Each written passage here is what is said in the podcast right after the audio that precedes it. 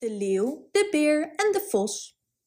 Net op het moment dat een grote beer een verdwaald lammetje te grazen wilde nemen, sprong er vanaf de andere kant een leeuw tevoorschijn die dezelfde prooi wilde pakken.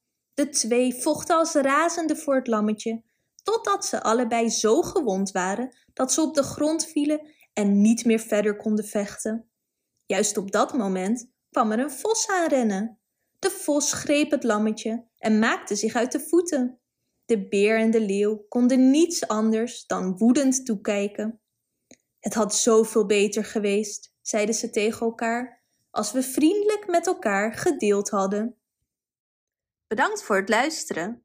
Wist je dat je dit verhaal ook op onze website ririro.com/nl kunt lezen, downloaden en printen?